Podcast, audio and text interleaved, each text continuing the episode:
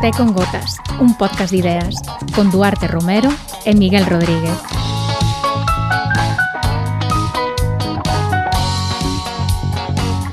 Bueno, Duarte, parece que despertou moito interese e curiosidade a incorporación dunha nova voz brasileira ao Tecongotas a, hai dúas semanas, non? Sí, calquera que nos escoitou eh, a semana pasada, a maiores da miña voz, a maiores da túa voz, estaba outra persoa, estaba Antonio ou Gilberto, como lle chamamos nos aquí en Petit eh, Comité.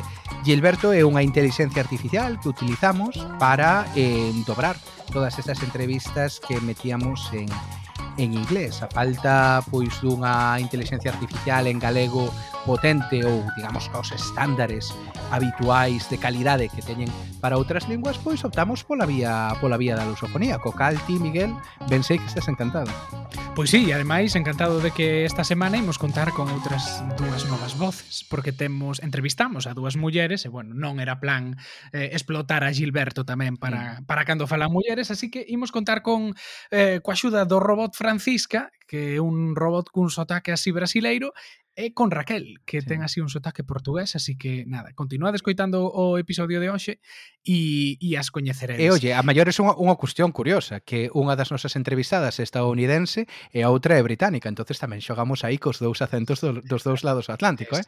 Con eso non te quedaras cando, cando pensamos niso. Pois no, aquí está está claro que está todo fiado e que somos cada día un podcast máis eh, internacional.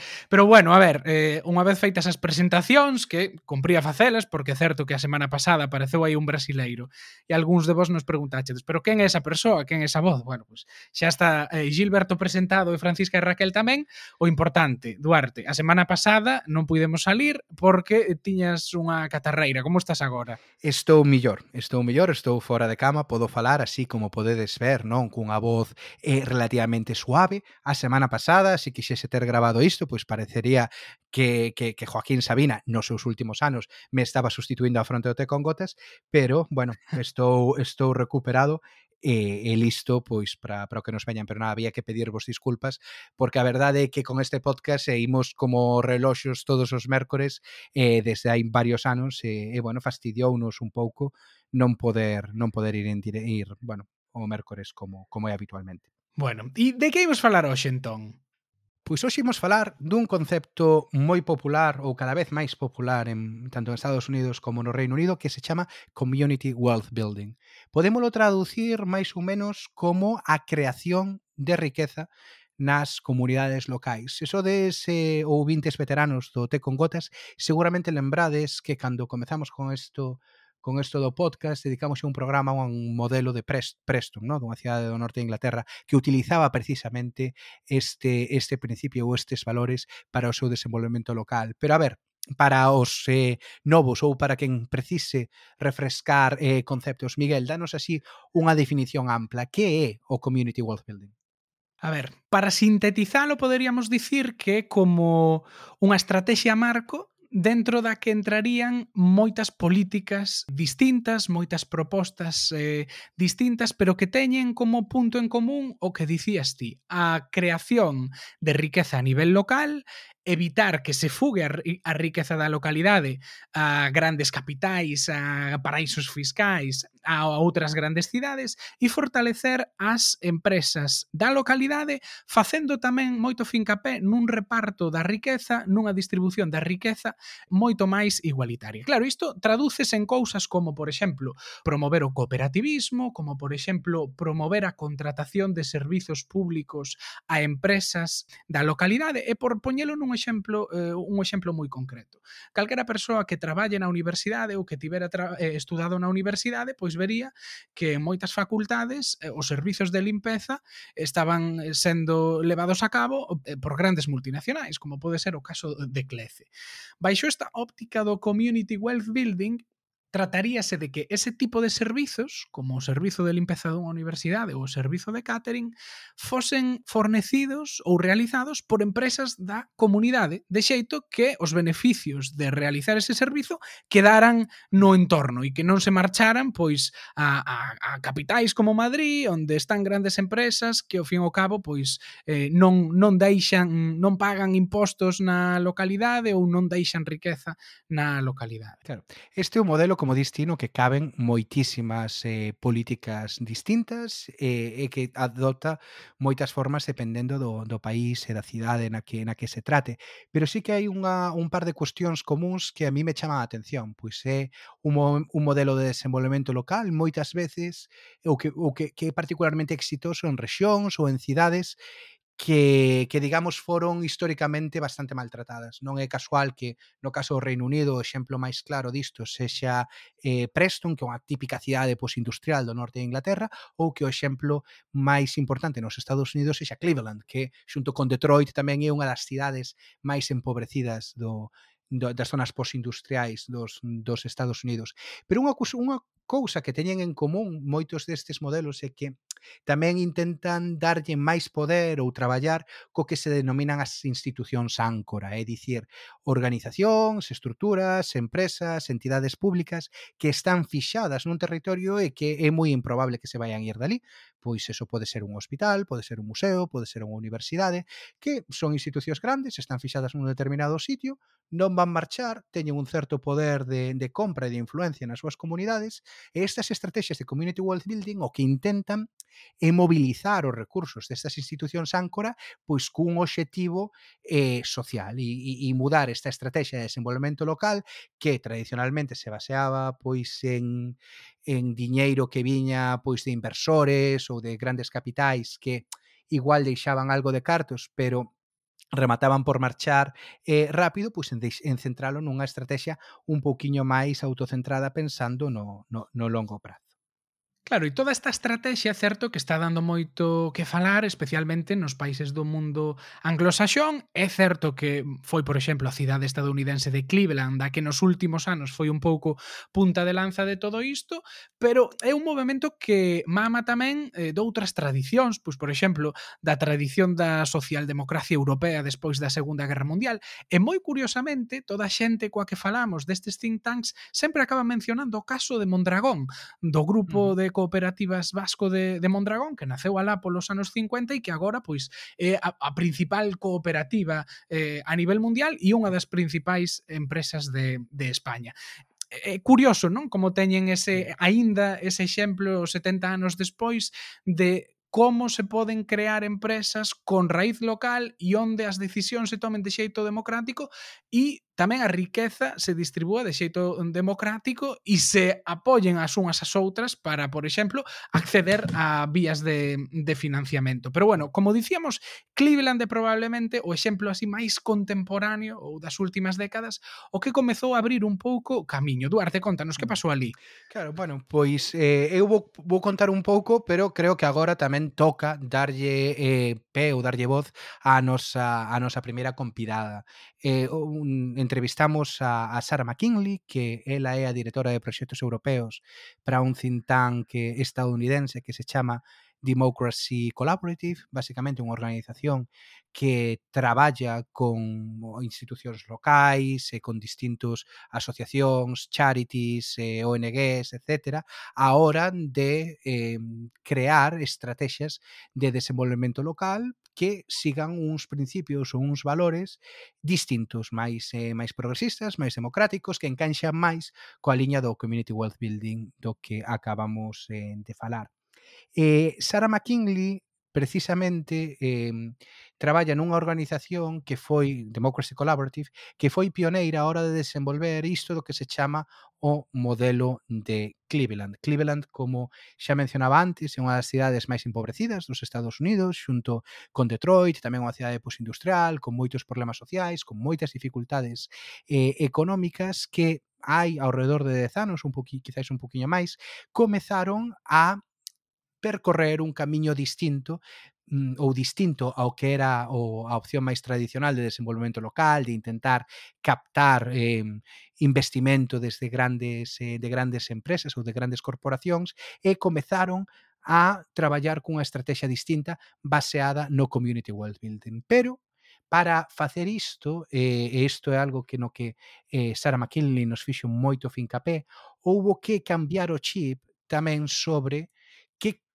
que consideramos crecemento e cales teñen que ser os obxectivos de desenvolvemento local. Entendemos que mm, eh, simplemente queremos medrar o, o produto interior bruto ou queremos que calquera investimento que fagamos na comunidade teña outro tipo de impacto, xa sexa en calidade de traballos ou, ou, ou en, en, en reducción eh, da pobreza. Isto foi o que nos contou.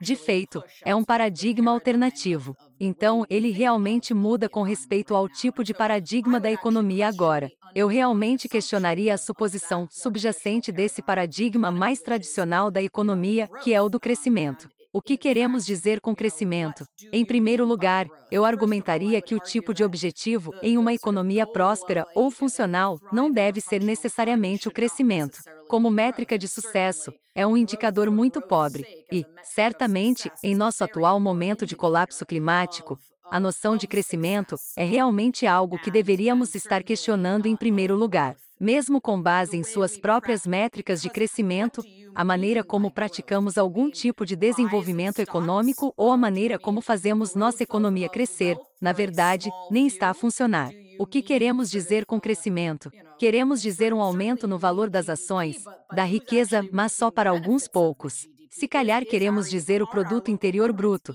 mas mas quem está realmente colhendo os benefícios do produto interior bruto? Desde logo, podemos afirmar que não são os conselhos. As localidades, as pessoas, os indivíduos não estão realmente recebendo os benefícios desse crescimento. Pero unha cousa interesante destas estrategias de construcción da riqueza na comunidade ten que ver coa importancia de facer unha análise da economía local e tamén das necesidades que existen na localidade. Pois, por exemplo, pode haber unha rexión na que haxa unhas institucións públicas distintas eh, a outra rexión e tamén pois a realidade das empresas que poden ofrecer os seus servizos pode ser pode ser moi diferente. No caso de Cleveland comezaron por aquí. Comezaron analizando pois que institucións áncora existían e cales eran as necesidades que tiñan e que rede de empresas podían um, dar servizo a, ás necesidades desta economía local.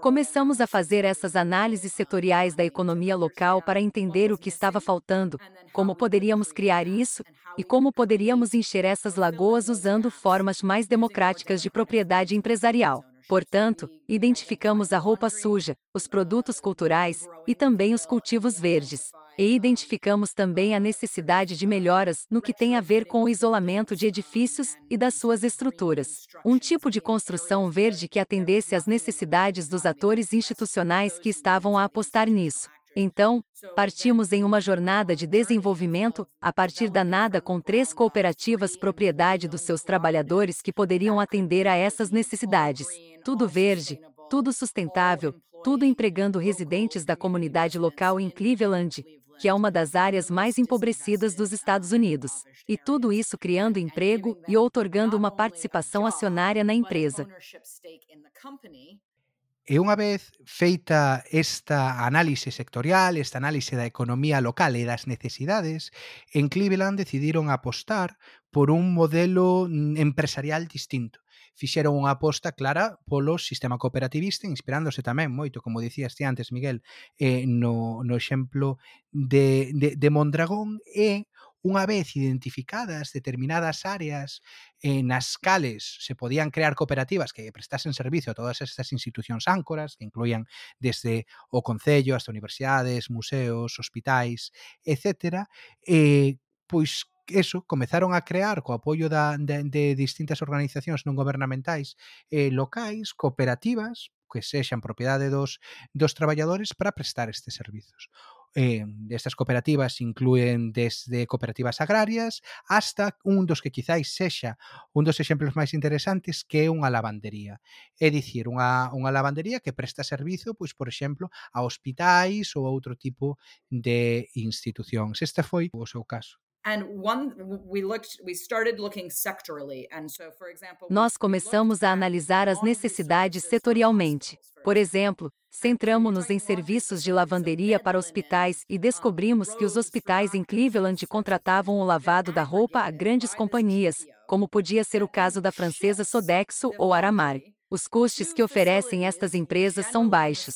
Basicamente, elas reúnem toda a roupa de todos os hospitais da região, como as sábanas da cama ou a roupa dos médicos, e a enviam a instalações geralmente no sul dos Estados Unidos ou até mesmo em México, onde eles podem obter o menor custo possível na unidade de lavanderia basicamente porque está sendo enviada a lugares onde há padrões de trabalho e proteções ambientais mais baixas. Então, eles afirmam que estão obtendo o preço mais baixo, mas, na verdade, eles apenas estavam contando o custo por unidade para realmente lavar a roupa. Eles não estavam a considerar os custos de envio, e também não estavam a contar com as externalidades ambientais desde o embarque. Também não estavam a valorar os empregos perdidos localmente. Em definitiva, eles não estavam tendo em consideração todos os males sociais de não pagar as pessoas apropriadamente ou não ter uma lavanderia ecológica que reduza o impacto nas águas residuais. Qual foi realmente o custo total para fazer negócios dessa maneira? Uma vez que começamos a realmente colocar quantias em dólares em todas essas coisas, não é barato. Não está economizando dinheiro. Portanto, mesmo pela sua própria métrica de menor custo por unidade, se você realmente somou os custos, eles estão falhando. E é assim que precisamos medir essas coisas. Pero claro, unha, unha, unha cousa moi chula deste, deste modelo das cooperativas de Cleveland, ou algo que polo menos a mí me chamou moito a atención, é o ben conectado non que, que está todo. Non, é, eh, non son cooperativas illadas, todas, todas fan parte do mesmo, do mesmo grupo que se chama Evergreen uh, Cooperatives eh, e teñen toda unha serie de, de mecanismos de participación ou de colaboración que, que a verdade é que están funcionando bastante ben, polo menos polo que nos contaban nas entrevistas. Ademais que a participación non se limita só aos traballadores. Claro. Por exemplo, a, a empresa matriz, o holding destas eh, cooperativas iniciais, conta coa participación da, das comunidades, é dicir, dos veciños, que teñen dereito a tomar decisións pois eh, sobre as liñas estratégicas da empresa. E a maiores diso, eh, cando falábamos antes un pouco desa inspiración de, de Mondragón, siguen o exemplo vasco no que ten a ver co, co financiamento. Eles crean unha especie de fondo de beneficios ao que contribúen todas estas cooperativas e ese fondo de beneficios a súa vez sirve para dar un pouco de oxígeno financeiro ás mm. empresas para que teñan liquidez e, bueno, pois eh, a, a típica axuda financeira que dan os bancos, pero neste caso eh, unha axuda que ven dun fondo que mm. forma parte da propia da propia cooperativa, ou que, así que ou que mesmo pode servir para lanzar novas cooperativas, que non é só simplemente Exacto, para apoiar claro. as que xa están, sino tamén para contribuir a reproducir o, o modelo. Claro, cando unha empresa avanza, sexa cooperativa ou claro. outro tipo de empresa, pois sempre é necesario fina, o comezo un, un pouco de liquidez claro. para, para arrancar. Entón, bueno, é unha idea da democracia económica non ou da participación da comunidade que vai máis alá do simple feito de que os traballadores teñan eh, voz e voto eh, nas decisións da empresa. Tamén implica toda a comunidade claro. e a verdade é que eu creo que iso é, é, é moi interesante. E tamén hai unha cuestión aí con isto de implicar a comunidade, polo que nos contaba na entrevista que lle fixemos a, a, a Sara McKinley, isto tamén é un xeito de obrigar a estas cooperativas, a estas empresas a seguir, digamos, co, cos principios fundacionais. É dicir, se chegado un momento unha determinada empresa, os traballadores da empresa deciden vendela eh, pois a unha, a unha gran corporación, os veciños teñen a acción de ouro pois para vetar, digamos, este tipo de este tipo de, de vendas porque se entendería que vai en contra do, dos principios fundacionais. Entón, pareceme eso interesante, non? Este, digamos, equilibrio entre a propiedade dos traballadores e a función social que teñen que ter estas empresas. E seguro que moitos nos estades preguntando, bueno, Duarte, e Miguel, sodes uns hippies, seguro que isto da quebra eh, perdas por todos lados e non hai dios que o que o manteña. Bueno, despois de 10 anos, bueno, algo menos de, de 10 anos ao sétimo ano, as estas empresas xa estaban dando, xa pagaran todas as súas débedas e xa estaban dando eh, beneficios. Sí que, pois, por exemplo, non lo dicía eh, Sarah McKinley, que era eh, un período un poquinho máis longo que o que teñen outras empresas nos Estados Unidos, pero eh, bueno. Sí, porque ali adoitan falar de que si en tres anos non dá, non dá beneficios, eh, hai que chapar a empresa, claro. non? Bueno, eles apostaban por un desenvolvemento un pouco máis a, a longo prazo. E non lles, non lles está indo mal, eso está dando está dando beneficios e como escoitábamos no, no corte que metimos aí un momento, pois están sendo capaces de disputarlle eh, contratos a grandísimos eh, empresas multinacionais da prestación de, de servizos, non? Así que, bueno, parece que un modelo, pois evidentemente limitado, porque non deixa de ser unhas poucas cooperativas os que ao día de hoxe están están utilizando isto, pero que está servindo para crear traballos de mellor calidade, para eh, fixar, digamos, máis riqueza na comunidade e, e bueno, el co súas limitacións, pero está sendo un modelo, creo que, de éxito nunha cidade po, po, pois bastante maltratada. Bueno, e agora seguimos no mundo anglosaxón, pero mm, imos ir dos Estados Unidos ao Reino Unido e en concreto á localidade de Preston, a nosa querida localidade de Preston, na que nin Duarte nin eu estivemos nunca, pero bueno, a que lle dedicamos un programa e na nosa primeira tempada do té con gotas. Alí comezaron no ano 2013 a poñer en marcha algunhas eh, destas políticas eh, de, de Community Wealth Building por iniciativa do goberno municipal e co apoio dun think tank que se chama o Center for Local Economic Strategies, que traducido sería algo así como Centro de Estrategias de Economía eh, Local. Ali apostaron polo cooperativismo, pero apostaron sobre todo por aproveitar o poder de compra mm, das institucións áncora. E é un modelo que eh, foi bastante exitoso ata o punto de que no ano 2017 recibieron un recoñecemento como a Vila do Reino Unido con mellor eh, desenvolvemento local. Mm. Era unha vila, pois... E ollo, eh, o, o, o, o reconhecimento de uno Price Waterhouse eh, Cooper, eh, non Socialist Worker ou algunha organización trotskista. Falamos de que foi, neste caso, unha, unha gran institución financiera. Un dos emblemas do capitalismo moderno, Sin máis por así dicilo. Sí. Pois claro, Preston, como comentábamos ao principio, pois tamén é a típica área inglesa deprimida, posindustrial e que, bueno, pois que nos últimos anos forma parte diso que, que en Inglaterra chaman as áreas left behind, non? Uh -huh. É dicir, fronte á prosperidade de Londres e algunhas outras zonas do sur do Reino Unido, pois áreas onde medrou o desemprego, onde medraron pois todos os eh, indicadores de, de pobreza e desigualdade nos últimos anos e onde, bueno, pois intentaron innovar e apostar por este modelo de, de desenvolvemento alternativo ao clásico intentar que veñan aquí grupos eh, privados de fora a abrir eh, grandes centros comerciais. Que de feito eh, tiñeron, intentaron crear... así folles mal, non? Exacto, a raíz tiñan de feito unha proposta de crear unha especie de gran centro comercial que revitalizase a economía do centro da vila e da vila en xeral. Finalmente, pois coa crise financeira de 2008 aquilo quedou en nada e, bueno, pois optaron por intentar aproveitar e pensar que pode facer a economía local por desenvolverse dun xeito un pouco máis eh, autocentrado ou enraizado na, na comunidade. E aquí, como dicíamos, a pesar de que se apostou polo cooperativismo, deuselle moita importancia ao que eles bautizaron como Progressive Procurement, que algo así, traducido é algo así como contratación pública progresista. Para entender mellor en que consiste isto, imos darlle voz agora a Rachel Bentley, que é directora asociada do Centro de Estrategias de Economía Local, eh, que de agora en diante imos referirnos a él como CLES. Isto foi o que nos dixo Rachel. So A aquisição progressiva tem a ver com a ideia de que tipo de resultados sociais, ambientais, econômicos alguém está tentando alcançar com os gastos públicos. Mas também precisa haver alguma flexibilidade, claramente dependendo de se falamos de um contrato curto ou o tipo de escala do projeto. Por exemplo, normalmente nos contratos de construção podemos obter muito um tipo de valor social em torno do emprego. Realmente o que estou tentando dizer é que com os contratos podemos criar uma mudança positiva na localidade onde o dinheiro está sendo investido. Pensando no mundo da construção, se uma administração está gastando um milhão de libras construindo uma escola em uma determinada área na que o desemprego juvenil é um problema, há caminhos para fazer que esse projeto traga oportunidades aos desempregados locais, aos mais jovens. Trata-se de ser específico e trabalhar com um propósito claro. Não é questão de que uma empresa ganhadora de um contrato se comprometa a criar 10 bolsas de práticas e fazer 20 visitas escolares. Se existe um problema de falta de aspirações entre os jovens dessa área, talvez uma visita à escola seja a coisa correta. Sem câmbio, o seu problema é o desemprego de homens com mais de 50 anos, então é nisso que nos precisamos concentrar.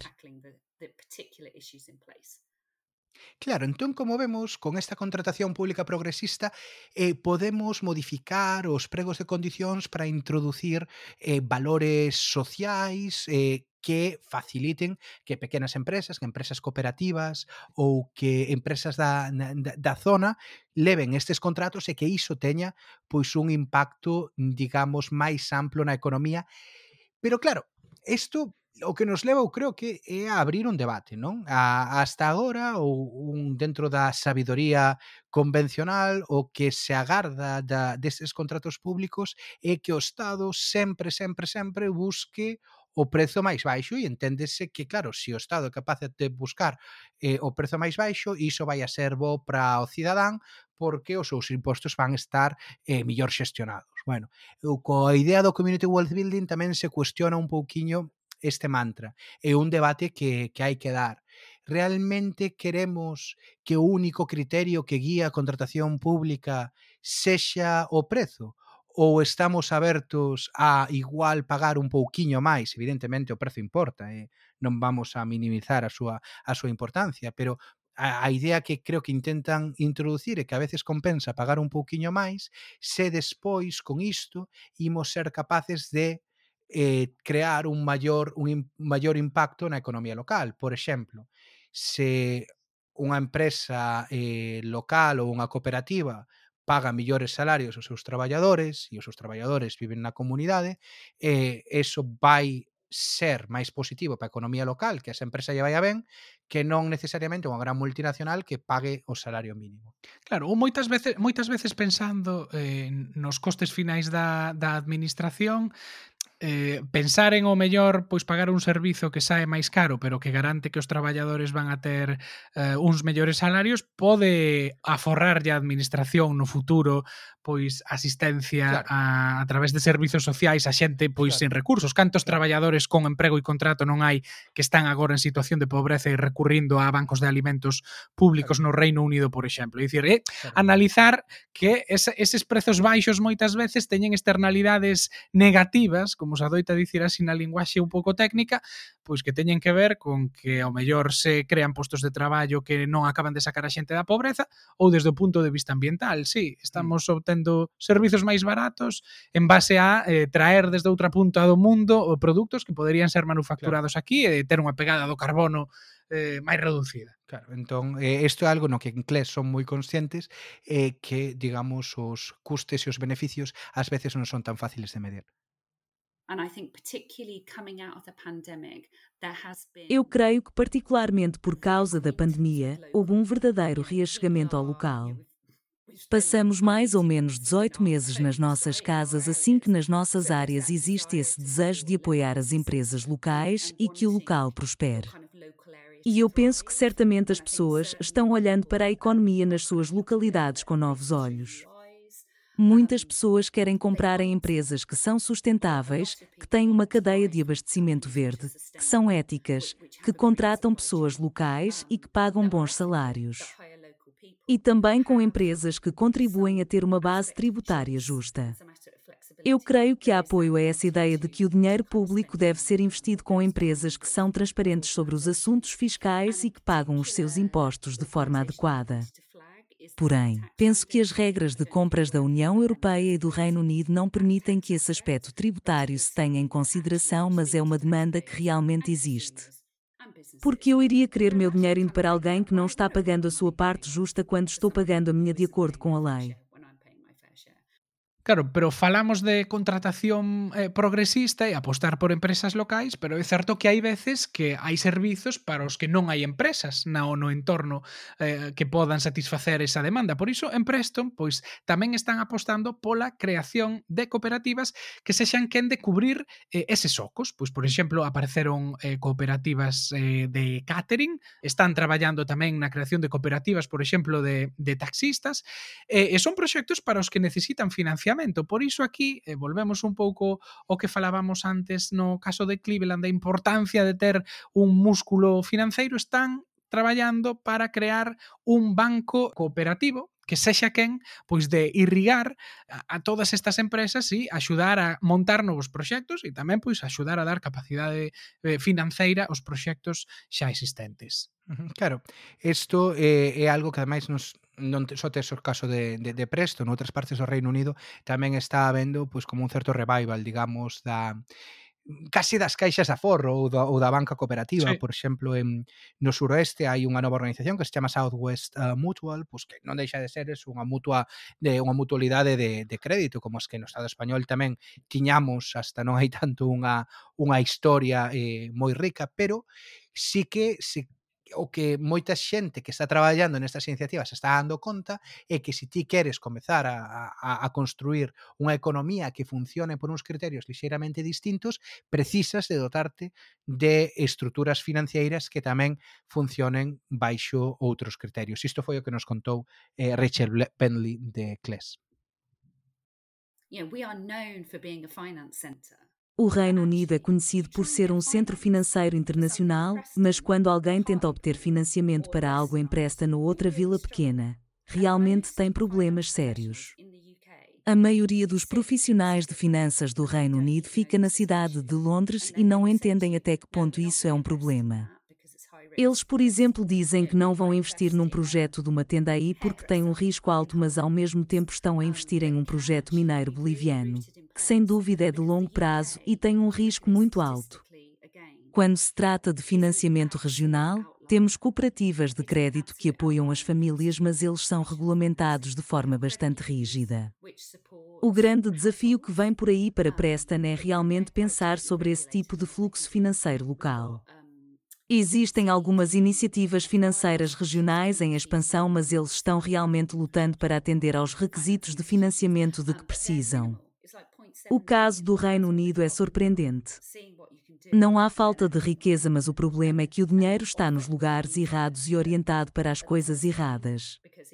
Se alguém vive e toma decisões desde Londres, não tem ideia de como é a realidade em outro lugar. E falando de financiamento, non necesitaremos aquí no Te con Gotas algo de axuda financeira? Pois sí, pero como non estamos en disposición de pedir un préstamo a ningunha entidade bancaria, son nos que dades vos. Así que xa sabedes que, mm, igual que acontecía na anterior tempada, podedes facervos membros da nosa comunidade a través de Patreon en www.patreon.com barra tecongotas. Ali, pois, tedes catro, catro modalidades de, de suscripción e poderedes acceder a todo o contido exclusivo que publicamos, os nosos famosos tesengotas, que nesta terceira tempada pois van a ser un complemento do podcast principal, aqueles temas que se nos quedan un pouco no tinteiro e que non tivemos tempo a desenvolver, pois, bueno, imos volos ofrecer eh, cada dúas semanas nestes tesengotas. A maiores, se optades por algunha das eh, suscripcións eh, que implican aportar máis minuta todos os meses, pois poderedes acceder a parte do noso merchandising entre, bueno, pois podedes atopar aí desde autocolantes a taimans ou mesmo unha taza se queredes tomar un té con gotas ou sen elas todas as mañás. Así que xa sabedes www.patreon.com barra té con gotas facede vos membros da nosa comunidade e axudade a financiarnos. E despois desta cuña publicitaria toca pois eh, vir a Galicia. Xa estivemos eh, nos Estados Unidos, estivemos no Reino Unido e agora toca eh, voltar a casa. Eu non sei ti, Miguel, pero a medida que, que, que, que cando lía cando máis lía de deste concepto de community wealth building, do caso de Preston, do caso do caso de Cleveland, sempre vía eh, moitas eh, posibilidades de exportar algunhas ideas ou algunhas experiencias ao caso galego.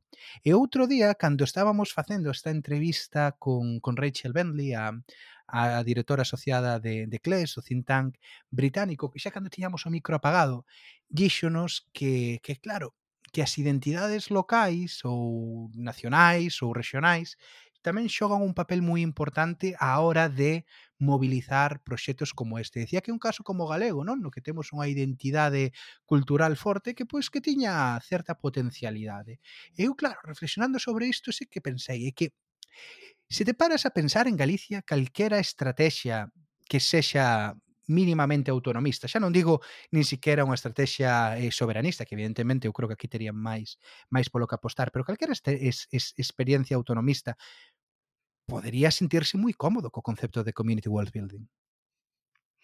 Sí, eh, e eu creo que desde un punto de vista de, de ter apoio social, todo este tipo de iniciativas que se centren un pouco no made in na casa, non? Eh, poderían ter moito éxito, especialmente aplicadas a sectores como pode ser pois o tema alimentario, que o vemos mm. Gadis, por exemplo, como xoga con toda esa identidade tan forte que temos de, de vivamos como galegos. E non só iso, eu cando falábamos de que isto é un marco e onde un marco estratéxico dentro do que entran moitas propostas, eu aquí estaba pensando, joder, é que hai algo que en Galiza leva séculos existindo e que ten moito de community wealth building, como mm. por hmm. exemplo os montes comunais. Sí. Quero dicir, non hai nada máis eh, community wealth building que iso. É dicir, montes que históricamente pois serviron as comunidades de gandeiros para dar apoio ás súas producións, para evitar ter que comprar piensos equivalí ao gando, para producir mesmo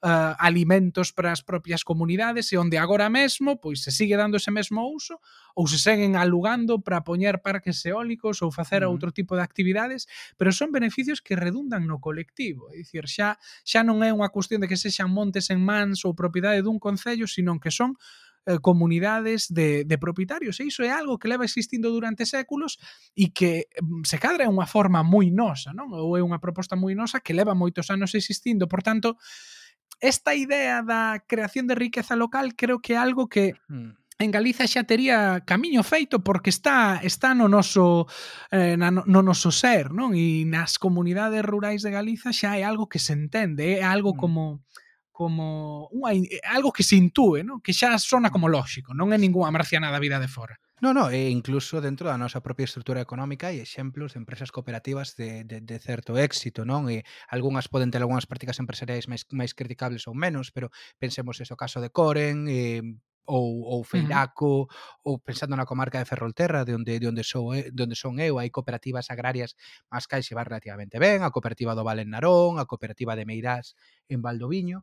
Bueno, hai exemplos tamén de, de, de, outro, de outras formas non de, de, de organización empresarial, pero o que non do que carecemos é dunha estrategia quizáis máis eh, máis global de dicir, vale, imos apostar por eh, un modelo no cal os froitos, digamos, do traballo, dos activos e, e do capital, pois re, re, reinvirtan ou revirtan na, na, na comunidade que re, eh, revirtan en, en Galicia. Quizáis aí é onde máis temos que traballar, pero que distís, son ideas que a priori non tiñan que, se están ben empaquetadas e ben vendidas, non tiñan que sonar a chinés, digamos, a, a nosa a este a este noso país. Así que claro, con este con este programa, con como agora tamén queremos conectar moito Galiza con estes eh, con estes fluxos de ideas globais, a pregunta que nos facemos é podemos facer algo así en Galiza? A ver, institucións áncora ter temos, porque aí están os concellos, aí están as diputacións, aí está a propia xunta, aí están as universidades, temos hospitais, temos comisarías, quero dicir, temos as condicións obxectivas para, para que se poida mobilizar eh, gasto público en empresas de, de aquí. Outra uh -huh. cousa é o marco máis técnico, máis legal. Como nós non somos expertos nisto, pois falamos con alguén que sabe, e esa persoa é Carlos Aimerich, que é profesor de Dereito Administrativo na Universidade Universidade da Coruña, onde tamén é secretario eh, xeral. E así é como el ve un pouco as posibilidades ou as marxe de maniobra que terían as institucións e a administración en Galiza a hora de, a través dos, eh, das compras públicas, priorizar a empresas de aquí. Bueno, en principio, en principio eh, a marxe pequena, vou explicar por qué. Porque aínda que dentro do marco das directivas comunitarias né, de contratación pública, Unión Europea ven desde hai eh, casi 50 anos, desde principios dos anos 70, armonizando, non? ou tentando de armonizar o que son os sistemas, os mercados, que chaman eles de contratación pública dos diferentes países, para que, bueno, as liberdades comunitarias básicas de circulación de mercadorías, servizos, etc., pois esa é unha realidade tamén dentro do ámbito do, da contratación pública, e tamén no, hai que decilo, para favorecer a concentración de capital e as economías de escala a nivel europeo, cousa que evidentemente vai en contra das pequenas e medias empresas e vai eh, claramente en contra tamén desa preferencia local, non? dese bay national ou bay local, non? porque iso é algo, esa discriminación por razón de procedencia ou por razón territorial está expresamente vedada, e, e a pesar diso, xa digo, nos últimos anos sí que se foron abrindo nas directivas de 2004 e ahora tamén máis nas directivas de 2014, que chama a cuarta xeración de directivas de contratación pública, máis espazo para o que se dan chamar a contratación pública estratégica, é dicir, a introdución dentro das políticas de contratación pública non só do, do value for money, senón tamén de consideracións de carácter ambiental, de promoción, digamos, de outros obxectivos políticos, sexa de igualdade de xénero, sexa de promoción de innovación, sexa tamén de carácter social. Iso sí, mas o que está vedado, como dicen expresamente, é eh, preferencias de carácter territorial. Iso é, está permitido no ámbito dos Estados Unidos, agora tamén no Reino Unido, inda que a normativa que teñen en materia de contratación seguen sendo as regulations que veñen non da adaptación, da transposición das directivas, pero supoño que agora que xa non están fora do, do xa non prima o dereito comunitario, pois poden non eh, establecer libremente eh, ese tipo de, pre, de preferencias.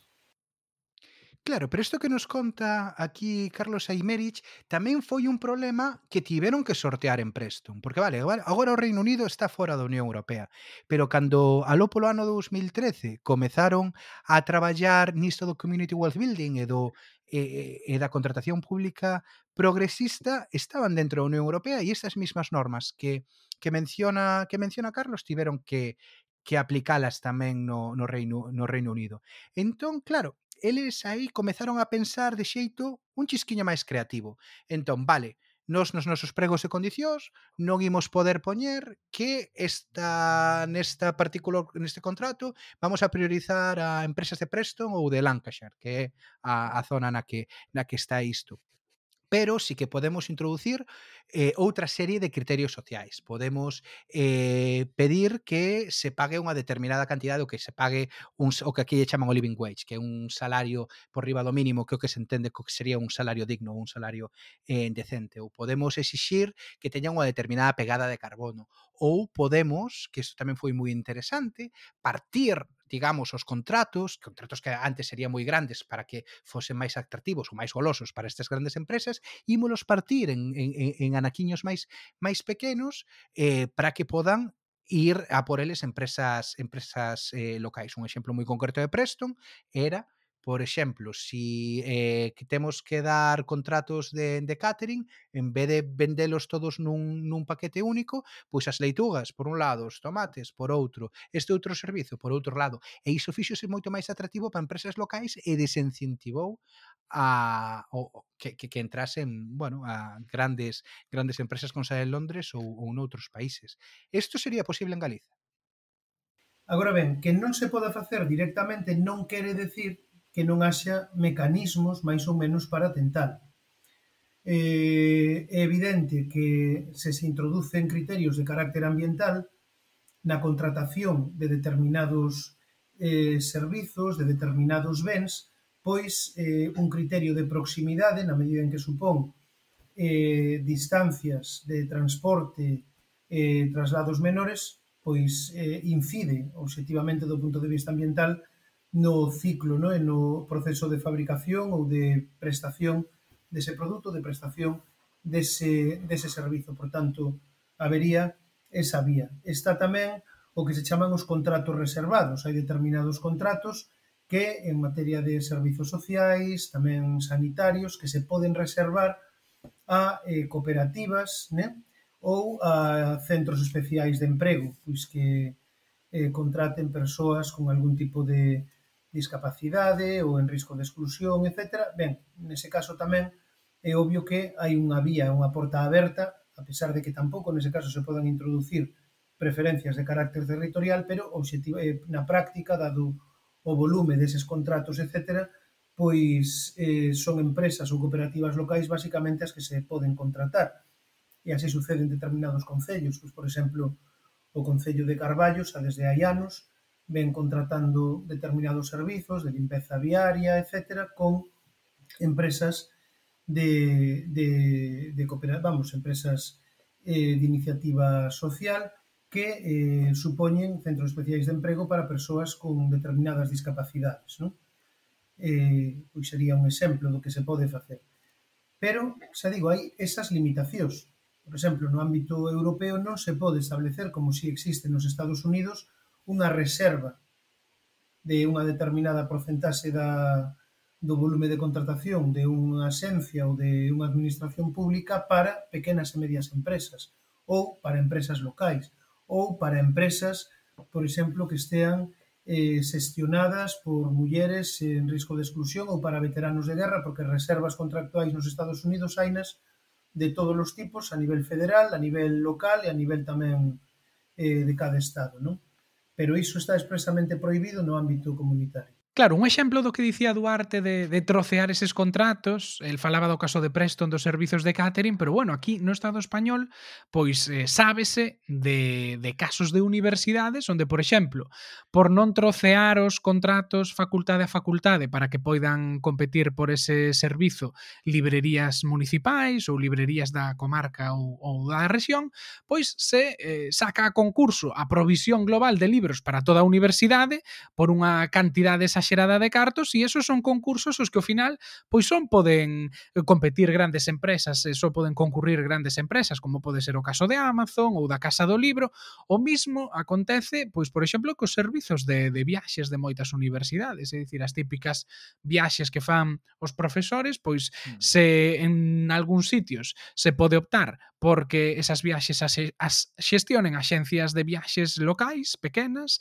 da, do lugar onde estea baseada a universidade, pois noutros casos optase por sacar un grande concurso que o mellor só se pode presentar viajes el corte inglés ou Alcón Viajes. Entón, mm. no caso de no caso galego, Aimerich eh, contábanos que participou nun intento de trocear a provisión de libros das bibliotecas municipais da Coruña, de xeito pois que se priorizou rentabilizase a provedores locais, a pequenas librerías, en lugar de a grandes mastodontes como pode ser o caso de Amazon. Eh, hai pouco o Concello da Coruña, porque participamos eu e outro compañeiro, o profesor Amoedo, no deseño deses, deses eh, pregos, non? Eh, pois eh, adquisición de libros e eh, materiais non para as bibliotecas, para a rede de bibliotecas municipais. Claro, ese contrato pode deseñarse de diferentes formas, ou ben, pode escoller e facer un único contrato, co cal só empresas cun volume grande, e normalmente van ser pois Amazon ou grandes redes de librerías van quedar con ese contrato, ou, se ti queres de alguna forma manter a rede de librarías eh, locais, tes que efectivamente dividir ese contrato en lotes, o cal non quer decir que se supoñe unha fragmentación eh, ilegal do contrato porque o contrato que vai determinar a forma en que vai ser licitado e, e a publicidade, etc., vai ser o volume total, non o, o prezo de cada, de cada lote, pero desa forma facilitas e ademais no deseño dos lotes ti podes establecer que cada empresa só se pode presentar a un lote, por exemplo, non? Ou establecer un máximo de lotes os que se pode presentar os que pode licitar cada empresa ou que poden ser adxudicados a unha empresa. E aí, no deseño, ti podes establecer eh, e iso está admitido sempre que justifiques non que é unha medida non discriminatoria que esa empresa ten que contar con establecemento físico eh, a non máis de, eh, bueno, pois, eh, poñamos 10 ou 15 km de distancia, non? Do lugar onde se van servir os libros. Ou que esa empresa ten que contar con persoal tamén na, a, que poda estar eh, en tempo real eh, axudando, asistindo, bueno, é dicir, e logo servizos tamén de valor engadido, non? Que só poden facer ese tipo de pequenas empresas, como pode ser eh, o catalogado, ou, bueno, poñer no lombo dos libros, non? A, a ficha correspondente, ese tipo de, de cuestións. Pero claro, aquí nestas eh, nestas cousas sempre hai dificultades, sempre unha vez que, que alguén quere facer un cambio importante a nivel desta estrategia económica, vais a topar con certas resistencias, certas eh, entesidias ou certos hábitos adquiridos que son difíciles de mudar. Eh, na conversa que tivemos con Eimerich isto eh, mencionou no en varias ocasións, non? O, o feito de que hai administracións que mm, igual por eso por disidia, pois non trocean contratos que deberían de ir pois para empresas máis eh, máis pequenas. As propias eh, pequenas e medianas empresas non protestan eh, por isto e tamén se dan os casos de empresa, digo de perdón, de empresas, de administracións que despois de tantos anos de recortes tamén teñen certas dificultades para cubrir eh, todos os requisitos necesarios pois para un cambio de estrategia deste tipo co, cos traballadores eh, que teñen, así non lo contou. E que sucede? Que por razóns de comodidade, e hai que decirlo así, hai administracións que non o fan.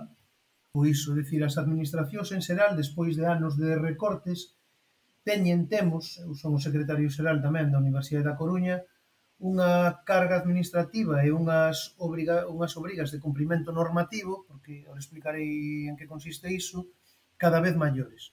Dicir, cada vez, eh, a hora de implementar políticas en materia de eh, igualdade, en materia de prevención de riscos, en materia de prevención da corrupción, en materia de ciberseguranza, en materia tamén de protección de dados, etc., se vai estendendo o modelo do, eh, digamos, cumprimento normativo, é dicir, mm, a forma de asegurar o, o cumprimento da norma xa non é unha autorización previa, e unha sanción en caso de incumprimento non das condicións desa autorización, ou, senón que o modelo é eh, facer auditorías, compliance, eh, facer un mapa de prevención de riscos, facer un programa de igualdade e despois dentro da organización correspondente designar un responsável ou unha responsável pola seguranza informática, pola protección de dados, pola de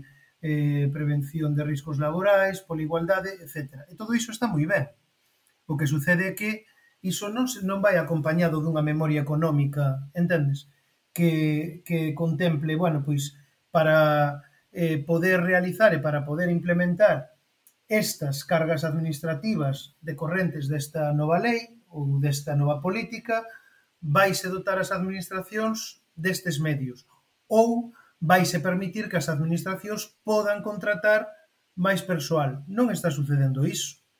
E claro, a lei de, de contrato do sector público de 2017 supuxo tamén un incremento enorme de cargas administrativas, non só o normal cando entra unha nova lei de contratos públicos, que é a renovación dos pregos, elaboración de novos pregos tipos, senón tamén incremento de trámites eh, o que antes era contratación menor, que era máis ou menos automático, ahora hai que facer unha memoria, hai que motivar 50.000 cousas, antes era factura e punto, non?